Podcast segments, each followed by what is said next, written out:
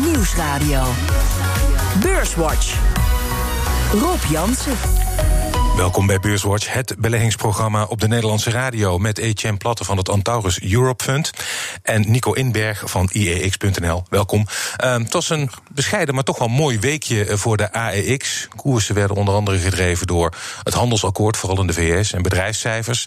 Um, wat denk jij, Nico? Zit er de komende weken nog wel wat meer in het vat? Denk je dat het sentiment nou ja, al zo blijft? Ja, we hoorden het net alweer. De Amerikaanse beurs is weer een kwart procent hoger. Dus het, uh, het is nu allemaal goed nieuws. Hè. En de vraag is hoe lang dat, uh, hoe lang dat doorgaat. Maar de, de rente blijft laag. En, en uh, Zolang er nog geen tegenvallende jaarcijfers komen van bedrijven, is het sentiment uh, positief. En daar moet je niet al te veel uh, tegen ingaan. Maar we, gaan kijken hoe, ze, hoe de bedrijven het doen. Want de waarderingen van de bedrijven die, die zijn het afgelopen jaar behoorlijk omhoog gegaan. Het is niet dat ze heel veel meer winst maken. Maar de, de, de waardering is van, van een KW van 15 in Amerika naar, naar 19 gegaan. Mm. En dat moeten ze wel waarmaken. Mm. Etienne, uh, ben jij ook voorzichtig? Voor de komende weken denk ik ben ik nog wel positief. Want uiteindelijk de, de cijfers uh, over 2019, dat begint echt een beetje in februari uh, binnen te komen. Hm. En dan zullen we zien wat er gebeurd is de afgelopen kwartalen. Het cijferseizoen is deze week losgebarsten. De grote Amerikaanse banken trapten af. En de cijfers van onder andere Citigroup werden goed ontvangen. The revenues come in at 18.3 billion. The expectation was 17.9. The EPS adjusted is 190 comparable to 184. So uh, a nice little beat on both lines. En de grootste vermogensbeheerder ter wereld, BlackRock, gaat duurzamer beleggen. Maar topman Larry Fink gooit het roer langzaam om. We are not running away from all hydrocarbons because we do believe they play a role. We believe natural gas plays a very large role in the uh, in the tr energy transition. Uh, and so we believe this is a process, not just we're not we're not stopping. And last but not least, Trump tekende eindelijk fase 1 van het handelsakkoord met China. This is a very important and remarkable occasion.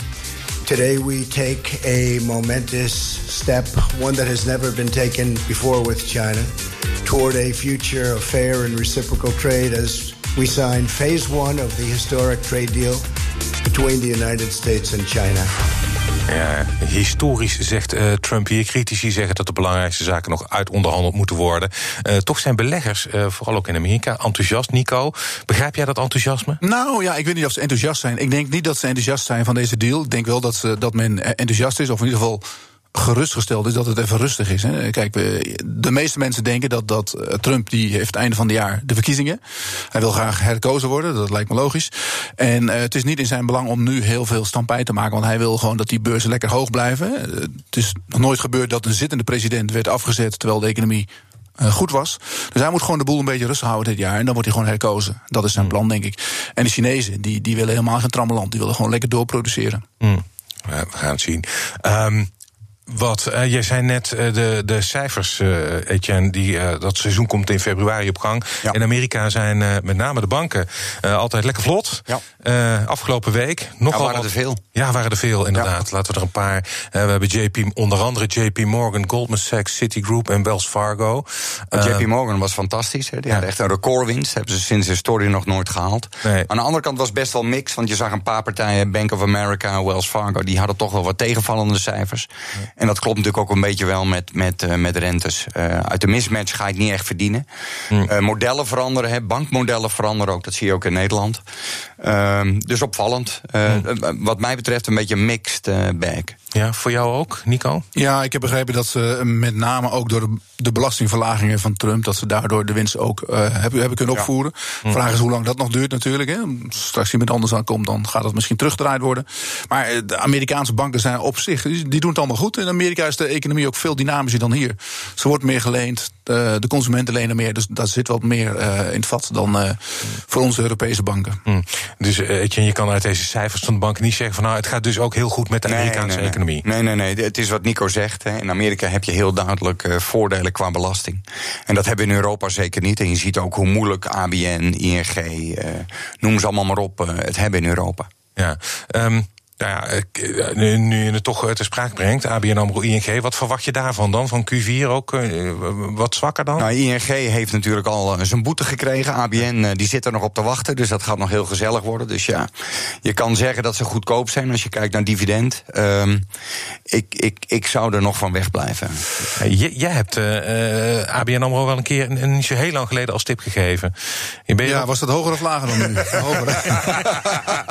nee, maar kijk, kijk ik ik, ik, vind, ik vind ABN termijn tip misschien. Ja, nee, maar ik vind, ik vind ABN is goedkoop. Maar wat je nou ziet is dat die boete die hangt, hangt hun boven het hoofd. Ja. Beurs houden niet van onzekerheid, dus dat houdt die koers een beetje laag. Los daarvan denk ik wel, en daar moeten beleggers wel rekening mee houden, dat die dividenden, met name van, van, van de banken, die, die kunnen best wel eens omlaag gaan, omdat zij gewoon echt minder geld verdienen. En mm. ze hebben een dividendbeleid dat ze bijvoorbeeld 50% uitkeren. Nou, dan daar houden ze zich aan. Als ze minder verdienen, komt er minder dividend. En dat is helemaal niet zo erg, want nu is het gebaseerd op het oude dividend is het 8% geloof ik. Nou, dat is gewoon te veel. Hmm. dat, kan, dat kan rustig terug naar 5 of 6. Het voordeel is natuurlijk nu wel, nu ze negatieve rente gaan rekenen. Hè, want er staat geloof ik meer dan 300 miljard spaargeld uit.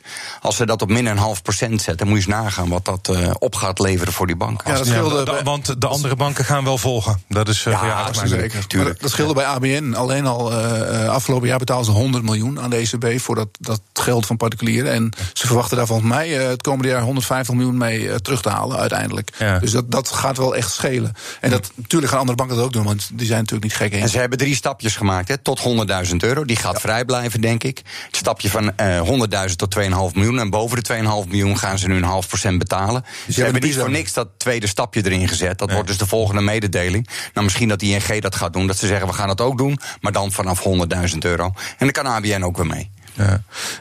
En misschien zelfs, nu staat het op nul. Uh, negatief komt er dus ook al aan. Ja, ja het kan toch niet anders. Nou ja, ik weet het niet, maar uh, ik denk voor spaarders niet. Maar de, je ziet wel de rentes weer ietsje aantrekken. Dus, nou. Hmm. Maar uh, sprekend over die, die 0% rente. Um, je hebt zeg 20, 30.000 euro en je wilt toch rendement. Wat eh, zou jij ze aanraden om te doen, Etje? Ja, je stelt de vraag aan de verkeerde. Want ik heb een long-short fund. Ik heb een hedge fund. Dus ja, voor ons maakt het eigenlijk geen beat uit waar die markt heen gaat. Om eerlijk te zijn. Wij hebben liever dat die markt omlaag gaat. Ja. Um, um, ik zou het beleggen in een alternatief. Maar je hebt weinig keuzes. Hè. Spaargeld is nul. Vastgoed is 50% gestegen de afgelopen jaren. Obligaties, lange termijn is negatief. Ja, er is heel weinig keus. Je kom je toch in alternatives uit, hedge nou ja, ja. ik, ik, denk dat mensen best de beurs kunnen gaan. Maar je moet goed kijken wat, wat je horizon is, hoe lang je erin wilt zitten. Als je een horizon hebt van, van, van, van drie tot vijf jaar, pak je je dividenden wel mee. Zoek goede degelijke fondsen uit. En kijk gewoon hoe de, de economie zich ontwikkelt. Welke bedrijven uh, echt toekomst hebben, omzetgroei en dergelijke. En een veilig dividend. Weet je wel, dat niet denk van ik kan wel zeggen uh, eh, 8% dividend. Dat is lekker. Maar als het, het jaar erop de, de winst omlaag gaat, dan hmm. is het geen 8% meer. Dus uh, kijk wel even goed naar is het 3 of 5 procent is ook mooi. En dan moet je kijken of het een beetje bestendig is. Dus de luisteraars moeten eigenlijk nog een kwartiertje wachten. Want dan komen wij met de tip van de week. de echte. Zeker. Um, uh, even kijken. Ja, Etienne, we, uh, ik uh, overleg altijd met jullie vooraf over, over onderwerpen. En oh, toen bracht jij naar voren de verzekeraars. Ja. Um, ehm, 2019 was niet bepaald. Slecht jaar. Slecht jaar. Ja. Um, en uh, je wierp zelf al de vraag op, dus je mag hem ook beantwoorden. Wordt 20, 2020 wel uh, het nou, jaar Wat natuurlijk in Nederland heel leuk is, hè, bedoel, wij, wij, en ik, ik spreek een beetje voor eigen parochie, wij zijn belegger in, uh, in ASR. Ja? ASR-verzekering. Nou, hij heeft het heel slecht gedaan, hè, maar ook als je kijkt naar Egon en Nationale Nederlanden. Maar de verhalen die nu natuurlijk nu gaan, nu hebt gezien dat Lart Vriezer, de CEO van NN, overstapt per maart naar Egon. Mhm. um, waarin hij vanaf mei geïnstalleerd gaat worden als CEO. Um, hij heeft gigaveel ervaring met overnames in de vorm van Deltaloid, Vivat, het schadestuk ik kijk er niet van op dat dit de man is die zometeen. Uh, want he, die fusiegolf is gaande in verzekeringsland. Hmm. Dat Egon en ASR een perfecte fit zou kunnen zijn. Egon kan de dividenden upstromen naar de holding. Um, solvabiliteit komt een, eh, een, stuk omlaag. Dus er kan meer dividend worden uitgekeerd. Het, het, zou een hele mooie fit kunnen zijn. En de verzekeraars hebben het niet gedaan in 2019. Nee. Hmm. ze hebben alleen dividend ingelopen. Toevallig had ik afgelopen week, week hadden wij bij Links het beleggersdebat. En dat was ASR was mijn Nederlandse tip. Hmm. En ik vind inderdaad hè, dat dat verhaal van Egon, kijk, dat, dat zou altijd kunnen gebeuren. Maar ik denk dat dat nog wel ja, wat tijd in beslag neemt. Maar wat, wat zo leuk is aan ASR is dat zij hun, hun, die verzekeraars worden beoordeeld op hun solvabiliteit. Die van hun is al hoog, maar zij gebruiken nog een, een, een standaard rekenmodel van DNB, wat in principe vaak een lagere uitslag geeft. Dus dat, die, dat bedrijf zit eigenlijk vol met geld. Uh, dat geld kunnen ze eruit halen als ze dat andere rekenmodel halen en dan gaan ze eigen aandelen inkopen. Ik verwacht dat al in, in februari, aankondiging ervan. En, uh, dat, en bedoel, los daarvan is dit een heel goed geleid bedrijf, heel strak, duurzaam ook. Dus dat is echt een van de mooiere verzekeraars. Ja, nou, niet toevallig. En daar krijg je 5,5% uh, dividend nu. Was dit nou de tip? En dat is wel groeiend. Nee, dus, nee, nee, nee, want ik doe uh, elke week. Ja, de grap, ik, ik, kijk hier inderdaad eventjes uh, voor de AEX. Ja, het jaar is nog maar uh, drie weken bezig, nog niet eens. Maar inderdaad, NN Group year to date min 2,9, Egon min 2,5 en ja. ASR staat 4,2 in de plus. Nou, er kwam een slecht verhaal uit van de week van, van EIOPA, dat is de Europese uh, toezichthouder. En die had een rapport uitgebracht waar de honden geen brood van lusten. Maar mm. dat wordt over een week weer uh, terzijde geschoven. Oké. Okay. um, u luistert naar Beurswatch met Etienne Platte van Antaurus Europe Fund en Nico Inberg van IEX.nl. Eerst maken we nog even, voor we verder gaan, uh, de balans op van de afgelopen week. De AEX die sloot op 615,6 punten. Ja, dat is het. Dat is een plus van 0,8 procent, hoger dan vorige week dus. En de drie grootste stijgers in de AEX. Stijgers. Op 1 Galapagos, wederom met een plus van 7,6 procent. Op 2 Heineken met een plus van 5,8 procent. En op 3 de uitgever Relax met een plus van 4 procent. En uh, het midcap aandeel dat het best presteerde deze week was ASMI met een plus van 9,9 procent. Dalers. Op 1, we hadden het er net al even over. NN Group leverde deze week 3,3 procent in. Op 2 ING met een min van 2,1 procent. En Arcelor verloor op weekbasis min eh, staat op min 1,9 procent. En in de midcap was de grootste daler PostNL met een min van 7 procent. En AX is 4 van de 5 handelsdagen hoger gesloten. Um, ik wil even beginnen met vastgoed term viel net al. Uh, ja, zei ik ook al, nog geen drie weken oud. Maar de eerste winkelketens zijn alweer failliet gegaan. Steps, Didi, Promus. Heeft nogal wat uh, gevolgen voor de grote vastgoedpartijen. En dan heb ik in die, dat rijtje nog niet eens gesproken over de gevolgen van het faillissement voor Hudson's Bay. Want die staan nu ook allemaal leeg. Um, Etienne. Um, hoe kijk jij naar die markt? Voor ja, beleggers zit er rampzalig, toch? Nou, je zou denken dat het een keer gestopt is. Hè? Want als je kijkt naar het winkellandschap, dat is al extreem aan het veranderen de laatste paar jaar. Maar jij noemt nu drie partijen op. Maar die drie partijen, dan hebben we het over 133 winkels in Nederland. Ja. Hudson B is ook dicht. Het is dramatisch gewoon. Het is dramatisch. En je ziet het eigenlijk al in, uh, en niet alleen in het retaillandschap, maar eigenlijk ook al in de woningen. Hè? In Amsterdam, de woningprijzen stijgen nog wel mondjesmaat. Maar je ziet het aantal transacties, zie je al af afnemen. Dat is eigenlijk wat ons betreft de eerste voorbode voor stabilisatie, misschien zeker wat lagere prijzen. Hmm. En wat wij zelf meemaken binnen ons fonds. En wij hebben een beleggingsfonds. Nou, vastgoedboeren, vastgoedmannen, die doen maar één ding. En dat is alleen maar stenen. Al het andere vinden ze niet interessant. Hmm. En wij krijgen nu afgelopen jaar gewoon de eerste vastgoedbeleggers in ons fund. Mm. Hebben de afgelopen 13 jaar nog niet meegemaakt. Hmm. Dus misschien is de voorbode. Ja, en, en je bezegt dus voor uh, pa, uh, particuliere beleggers, blijf maar even uit vastgoedfonds. Nou, ik, kijk, die markt is fantastisch geweest. De vastgoedfonds, ja, ik, wij zitten short. Het was vorige keer of een jaar geleden ook al mijn tip: short uh, vast en retail. Dat is het nog steeds. Terwijl dat aandeel is nu 40% omlaag.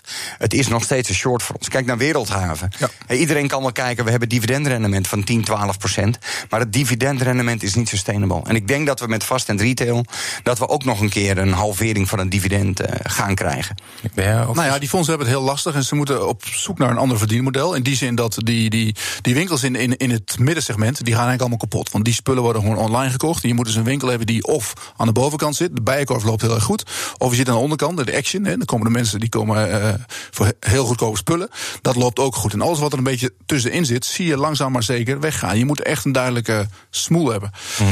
En die, die, die, die winkelvastgoedbedrijven, die hebben zo'n winkelcentra, die moeten zorgen dat ze daar andere partijen in krijgen. En daar zijn ze wel mee bezig. Maar dan krijgen we bijvoorbeeld een sportschool erin of, of een babyopvang. Maar die kunnen niet zoveel huur betalen. Dus ze moeten het of, of ze moeten de woning opzetten. Daar zijn ze nou ook mee bezig. Ze halen van alles uit de kast. We gaan gewoon weer terug. Die dividenden, die dividenden wordt gewoon heel moeilijk. Want ze keren nu 100% uit. En sommigen zelfs ietsje meer. Om toch nog. Want je weet, als je aankomt op de beurs met een dividendverlaging, ja, dan, dan ben je de gebeten hond, dan ben je de sjaak. Hm. Dus dat proberen ze zo lang mogelijk tegen te houden. Maar uh, ik zeg net ook al, 8%, 10% is niet normaal voor dividend. Dat is niet normaal. Zeker niet met, met deze rente. Hm.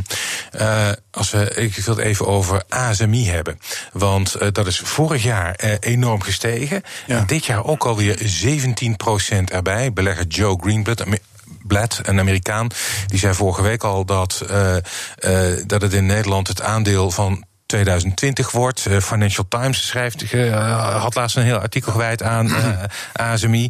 Um, wat denk jij? Ik zie nou ja, kijk, de ASMI, ik heb het toevallig een artikel over geschreven afgelopen week. Daar zit echt alles mee nu. Mm. En dat is ook alweer een gevaar. Je staat nu zeg maar 20 keer de winst. Nou, vergeleken bij ASML is dat nog wel goedkoop eigenlijk. Maar ze hebben zoveel. Het gaat ook hartstikke goed. Ze hadden een, enorme order intake. Ze hebben mazzel gehad met twee rechtszaken. Er is een bedrijf in Japan, of in Korea geloof ik, die is overgenomen. En die hadden ze een, een geschil mee. En die moesten dat afkopen, want die wilden gewoon overgenomen worden. Dus daar hebben ze 100 miljoen van gekregen. Alles klinkt als een klok. En, uh, dus, maar ik denk dat heel veel ingeprijsd is. En dat je moet uitkijken op de top van de markt. Dat als alles goed gaat, als je er dan instapt, ja, dan is als het tegenvalt, dan ben je de, de, de pisang, zeg maar. Maar goed, voorlopig gaat het goed. Ja, ik ben het helemaal met Nico eens. Um, um, en normaal zou ik altijd zeggen op dit soort waarderingen... waarin alles is ingeprijsd... het zou voor ons een moment zijn om short te gaan. Maar ik durf hem niet short. Nee, ik zou het niet doen. Ik durf hem niet short. Echt niet. Mm. Nee. Ze doen alles goed, hè? En alles gaat ook goed. Ze zitten ook in de sweet spot. Ze hebben het juiste product nu. Um, ze kunnen nog veel meer capaciteit aan als er nog meer vraag komt. Ik durf het niet short. Ik blijf eraf, maar ik durf er niet short in. Mm. Um, ja, weinig. Nee, nee, nee. Uh, ga dus door. Ik ben helemaal klaar. Nou, uh, beter bed. En dan zijn we helemaal actueel. Want die kwamen vandaag met omzetcijfers. Vergelijkbare omzet steeg met uh, 4,7 procent. Maar het aandeel leverde wel 3,6 procent in. Ik zie jou helemaal opleven op deze. Nee, ja, is jouw lievelingsaandeel, toch? Ja, nou ja, wij hebben dit short gezeten. Wij hebben dit eind 2017 tot eind 2018 hebben we dit short gezeten. Ik denk dat wij nog nooit zoveel geld hebben verdiend in zo'n korte periode. We hebben 80% rendement gemaakt in een jaar tijd. En het jammer is, hè, want er werken gewoon honderden mensen nog steeds ja. uh, in Nederland. Ja, ik, ik, denk gewoon dat het bedrijf er niet meer bestaat over drie jaar. De market cap is nu nog 65 miljoen euro. We kunnen met z'n allen, er zijn nog steeds vijf analisten die het volgen. Waarom weet ik niet. Ja, ik weet wel waarom. Want ze hopen dat ze nog een keer geld gaan ophalen bij aandeelhouders of bij beleggers, zodat die banken daar nog iets aan kunnen verdienen. Ja, ik, ik denk helaas dat, dat het ter ziele gaat. Uh, à la Steps en Didi en Promise. En dat het uh, over een jaar of drie, vier gewoon voorbij is. Denk nou, ik ben niet zo somber. Ik vond wel de, de, de cijfers vandaag, die vielen mee. Ik ben van nature heel positief ook, ja, dat ik. Dus ik ken jou, dat je dat wel meeneemt. Ik ken jou. Maar de, de, de, de aandelenkoers opende ook 10% hoog. Maar er kwam een downgrade van KBC. Die hebben dat best invloed. En toen wilde iedereen wegwezen. Maar ze, ze, hebben, ze hebben natuurlijk een heel moeilijk proces achter de rug. Dat hele Duitse gebeuren. Dat is de 800, 900 winkels. Die zijn allemaal weg. Uh, dat is allemaal afgewerkt en nu gaan ze door met, met de basis. Dus in Nederland gaat het best goed. Maar ja, je zit wel op een hoog conjunctuur natuurlijk. Hè. De huizenmarkt is goed, dus dan gaan de bedden eh, verkopen. Gaat goed. En uh, ik ben, dit waren alleen omzetcijfers, dus die, die vielen mee. En de, de, vraag is natuurlijk hoeveel blijft er over? Want ze hebben waarschijnlijk miljoenen moeten betalen aan adviseurskosten. Dus ik ja. ben wel heel benieuwd. 7 maart komen de cijfers. Ja. Wat er dan nog onder de streep overblijft. Ja. Maar als je de afgelopen vier, vijf jaar met die huizenmarkt het niet hebt kunnen verdienen. Tientallen miljoenen verloren. Ja. Nico, wanneer ga je het dan is, wel dat, verdienen? Dat, dat, dat, je gaat het niet meer verdienen. Dat Nederlandse deel heeft het op zich nog wel aardig gedaan. Alleen in Duitsland liepen ze helemaal lekker. Dat was ook een, een bedrijf. In een bedrijf eigenlijk. Ze hadden daar totaal geen er zijn drie aandeelhouders die hebben 7 miljoen gefinancierd tegen een rente van 30 procent. Ja, Als mijn bedrijf gefinancierd moet worden tegen een rente van 30 procent... dan weet jij en ik toch al wat er gaat gebeuren met mijn bedrijf. Ja. Maar laten we hopen dat het niet doorgaat, hè, jongens. Van je vrienden moet je ze hebben, hè? Ja. 30 procent. En, en je zegt, ja, de analisten die hebben een downgrade gedaan naar Holten. Niemand durft het op een cel te zetten. Maar ik wil aangeven, als jij met die analisten spreekt en zegt... joh, zou jij je eigen geld nu in dit fonds uh, in Beterbed stoppen? Ik, er gaat er geen één zeggen, hier ga ik mijn geld nee, Maar het is ook veel te klein voor beleggers ook. Je moet hier niet... We praten er al te lang ja, over, zeg. Is, nou ja, de, de, we hadden het er laatst over met een collega van je. Met, van mij, Paul Azeur. Die zei, die zei, dat hadden we het ook over Beter Bed. En die zei van, uh, wat, we hebben het altijd over Beter Bed. Waarom eigenlijk? 65 nou miljoen markt. Er zijn tijden geweest dat het een heel populair... Ik zal groter is. Bijna. Ja, er zijn tijden geweest dat het een uh, populair uh, aandeel is. Wij gingen het shorten, had het 700 miljoen market cap. Ja, en het was ook een consumentaandeel, omdat ze betaalden heel veel dividenden. Ja. Zij betaalden 85% van hun winst. Dat was ook de grote fout aan dividend, waardoor het echt een dividendaandeel werd gezien. Maar dat was het eigenlijk helemaal niet, want ze keerden gewoon alles uit. Allemaal verleden tijd. Um, wat uh, geen verleden tijd is, is de tip. We zijn alweer bijna aan het einde uh, van het programma. En dat betekent dat jullie een uh, tip mogen geven um, voor de luisteraar. Waar moeten ze in beleggen? Etienne, the floor is yours. Ja, wij zijn niet echt van een korte termijn. Hè. Wij kunnen eigenlijk ook niet echt beleggen voor zes of negen maanden. Dus mijn tip is altijd wat langer. Dus probeer er nog een jaar of twee of drie in te zitten. Mag ook vijf. takeaway. Takeaway. Ja, ja, ja, absoluut. Absoluut. Ik denk dat je deze bent niet bang dat ze zich hebben vertild aan deze oh, nee, enorme Als je ziet alleen al hoe uh, de, de, de fusie is gegaan... of de overname is gegaan van Delivery Hero... ik denk dat we niks in de krant of in de media hebben kunnen lezen... dat er iets fout is gegaan. Dat is fantastisch gegaan. Ik snap wel dat Just Eat, wat een eigen platform heeft... dat er een hele andere situatie is. Maar het is gewoon de nummer één speler in Europa... en eigenlijk de grootste speler in de wereld... Uh, op het gebied van maaltijdbezorging... Ik denk dat deze man. Uh, en, en, er is niemand die meer ervaring Groen, heeft dan meneer Groen. Hè? Die doet het sinds 1999, eh, komt uit Enschede. Er is bijna niemand in de wereld die meer verstand heeft uh, van deze sector dan hij. Dus ik, ik denk echt uh, dat dit aandeel gewoon 100% kan stijgen de komende drie tot vier jaar.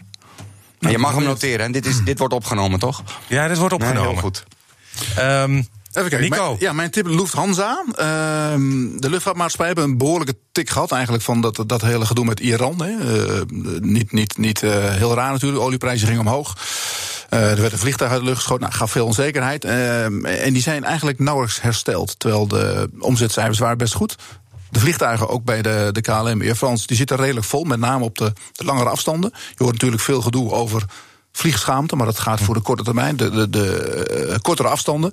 Maar de langere afstanden zit het vliegtuig eigenlijk hartstikke vol. En je ziet ook dat, dat op termijn die, die luchtvaart, die gaat gewoon groeien. Want vooral in Azië, die mensen die willen ook vliegen. En ze zijn de grootste van Europa volgens mij, hè? Uh, ja, dat, volgens mij groter, groter ja, nog dan Ryanair. Ja, is het zo? Ja, ja nou, ze, voor mij is het ingehaald door. door uh, ja? Ik dacht dat Ryanair nu qua passagiers in ieder geval de grootste is. Die mm. hebben 150 miljoen, geloof ik. Mm. Maar die zitten meer maar goed, die zitten allemaal op die korte afstanden. Dat is allemaal voor 28 euro, geloof ik. En dan doen ze aan, aan boord de krasloten. Ja. Maar Lufthansa verdient echt geld. Oké, okay. Lufthansa en Takeaway.